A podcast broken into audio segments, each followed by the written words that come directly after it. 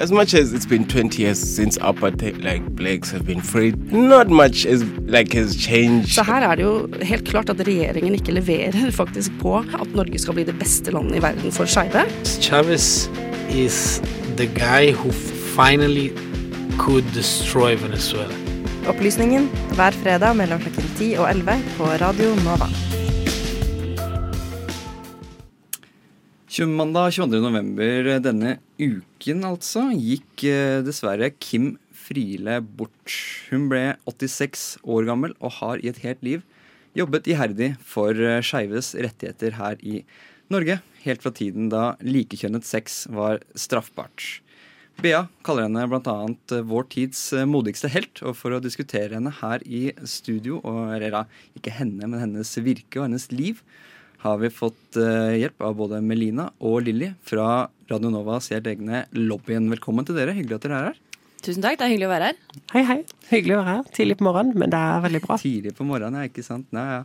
Men eh, vi skal begynne å snakke om Kim Friele, og da lurer jeg litt på til å begynne med hva Eller ikke hva, men hvem er Kim Friele for uh, dere? Miljan, vil du begynne?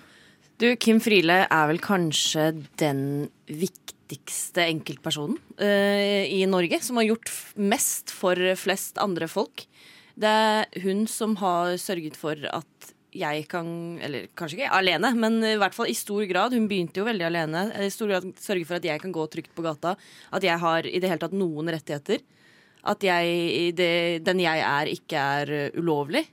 Og ikke er straffbart, liksom. Og at jeg har rettigheter på lik linje med alle når det kommer til ja, likestilling og Hun fikk eh, inn i rasismeparagrafen så fikk hun den utvida til å gjelde også homofile og lesbiske. Og gjort, hennes arbeid gjør at jeg kan føle meg trygg da, på gata.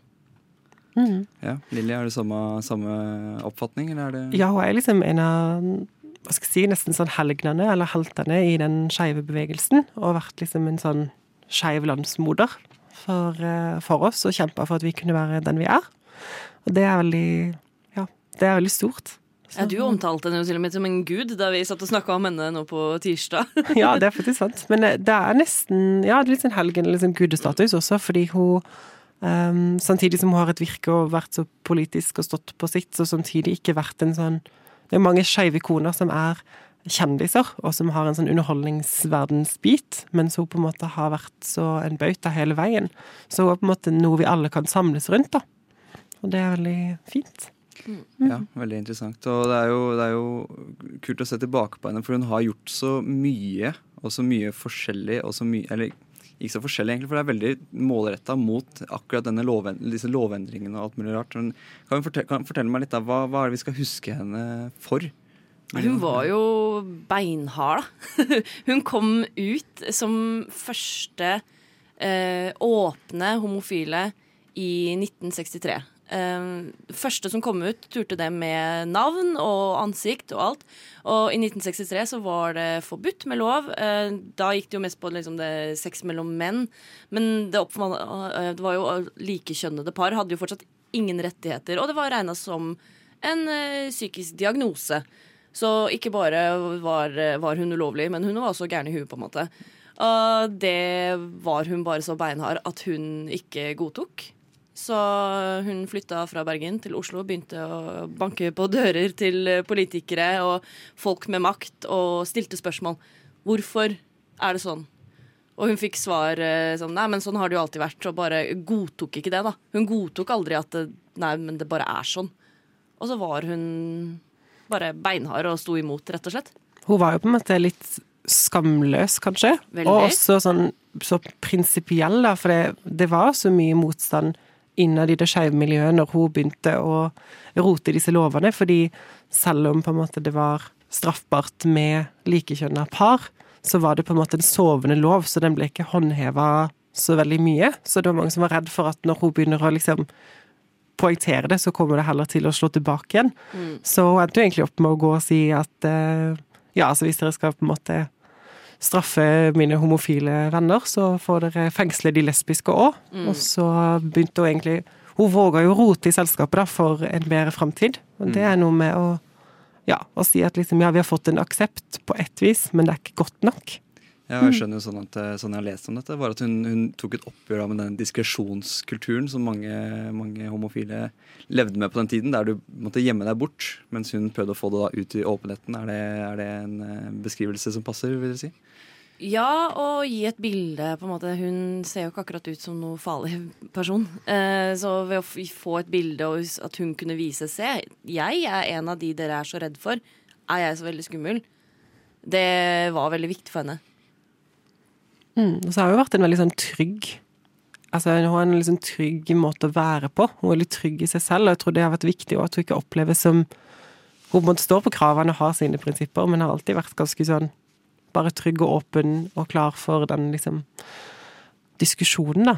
Sånn, mm. at, eh, sånn at ting går framover. Hørte jo blant, blant, annet en historie om da hun hadde mønstra på et uh, skip. Var liksom fantastisk. eneste dame blant sånn 15 bautaer av noen sjømenn, liksom.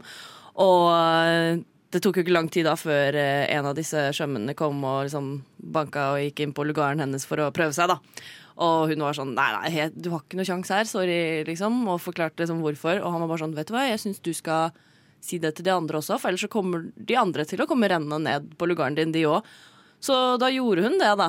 Eh, tidlig 60-tall, og liksom ut til disse sjømennene og bare sånn Nei, vet dere hva. Og hun var sånn Det var de nærmeste vennene jeg fikk, og de dro verden rundt sammen, og de var Du kan jo fortelle den andre delen av historien. Den resterende delen? Ja, den, altså for en del. Altså, men opp med at de rett og slett når de kommer til jeg husker ikke helt Filippinene, tror jeg. Var, ja, jeg har hørt både Filippinene og Cuba, så ja. nå høres det ut som en røverhistorie, men det er en sånn historie. Det er bare ikke så faktasjekka. Uh, men så kommer de fram der, og så går de på et sånn lysthus. Uh, gledeshus. Gledeshus, ja. Der det er mye fine damer som uh, gjør sitt for litt av hvert. Mm. Og eh, det som er greit, da driver jo alle disse mennene på en måte og betaler for de tjenestene. Og så setter hun seg vel bare ned og tar en drink mm. med hun som er bordellmammaen. Mm. Og så ender hun opp med å si sånn Ja, men altså, alle disse damene, kan ikke de komme bort til oss? Og ender opp med å rett og slett eh, få alt spandert. Og bare rett og slett leve sitt beste liv. Og at det var litt sånn vendepunkt i at hun skjønte at å, det fins noe veldig mye større enn bitte lille Norge der ute. Det er en hel verden der. Så når hun kommer tilbake på skipet, og kapteinen er sånn Dette her er siste gang jeg drar på gledeshus med Kim Friele, for alle vi gutta må betale. Ja. Hun får alt gratis. Men eh, etter denne skipsturen kom hun jo hjem, og jeg skjønte at eh, For dette var vel relativt tidlig, tidlig i hennes liv, vil jeg tro, så vidt jeg kan huske. Mm. Da, men da, når hun kom hjem igjen, så var det en slags sånn søken etter andre skeive, andre lesbiske, andre homofile som hun kunne se. og da eneste, Jeg, jeg har hørt den beskrivelsen. Hun har lest i en gammel norsk legehåndbok eller noe sånt.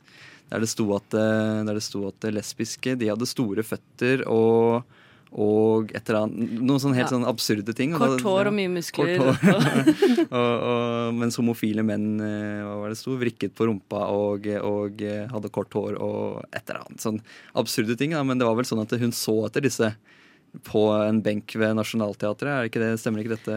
Og det er en kul historie hvis dere har den inne også. Ja, eller eh, kan jo snakke om også Det var jo der eh, det var minnesmarkering nå på, på tirsdag også. Det var det òg. For den, den, benken ligger liksom rett ved siden av Narvesen på Nationaltheatret. Og da var det jo sånn da hun flytta fra Bergen til Oslo, så satt hun seg der og speida etter akkurat de tegnene som du beskriver. da. Så hun satt der hver eneste lørdag i flere år og speida. Og det var faktisk sånn hun møtte kona si, da. Som hun endte opp å gifte seg med ved at hun fant de. Men det var jo sånn, hun har også selv sagt som hun kanskje lurte litt. Å, der var det en dame med litt kort hår. Men hun kunne jo ikke gå bort og spørre. Så det var en ganske vanskelig jobb likevel. Men uh, den uh, benken ble i hvert fall offisielt uh, tildelt Kim Friele som et minne da, for det arbeidet hun har gjort. det var vel to år siden, bare. Mm. Og der var minnesmarkeringa på tirsdag, da det ble kjent at hun var død. Og der var du, Lilly. Der var. Så det var veldig sånn så rart, for jeg husker bare jeg leste nyheten når jeg sto opp. Og det var nesten sånn der, Jeg følte ikke at jeg hadde noe forhold til det, for jeg ble liksom sånn jeg, liksom, jeg visste ikke helt hva jeg følte, om jeg var sjokkert, eller om det gikk fint, eller om liksom, hva, hva skjedde med meg, på en måte. Og så ble jeg oppringt. At eh, hei, lyst kommer du på minnestunda klokka ett? Uh, og så har jeg liksom en stor dag planlagt, men så bare reiste jeg meg og så sa jeg ja, jeg er på vei. Så det var liksom en sånn automatikk. Og det bare føltes så viktig. Og så når jeg kommer ned dit, så er det på en måte bare sånn det kommer skeive folk fra alle, liksom, alle lag og alle aldre. og på en måte, Det var bare så fint. Det var som en sånn spontan familie som oppsto. Og kanskje det treffer litt sånn kjernen av hva vi er, da. Så vi er på en måte en familie med folk som er annerledes, men som tar vare på hverandre. Ja, Du sto og leita etter den benken som du var litt usikker på hvor du var òg? Ja, for det var jo også, jeg visste ikke helt hvor den benken var. Så det ble så koselig når, noen, eh, når det kom noen bort til meg som så at jeg, jeg ser jo litt skeiv ut som jeg gjør. Og, sa, og så sto jeg med en rosebukett ikke sant, som jeg skulle legge på. Så da var de sånn Hei, du, den benken, den er der borte. Og så finner du liksom alle sammen. Så det var veldig Det var veldig magisk, egentlig. Og så, hvis vi skal snakke om et minne, så er det nettopp det at hun våget. Mm. Gjennom både sin profesjon og sin person, som dere har snakket om.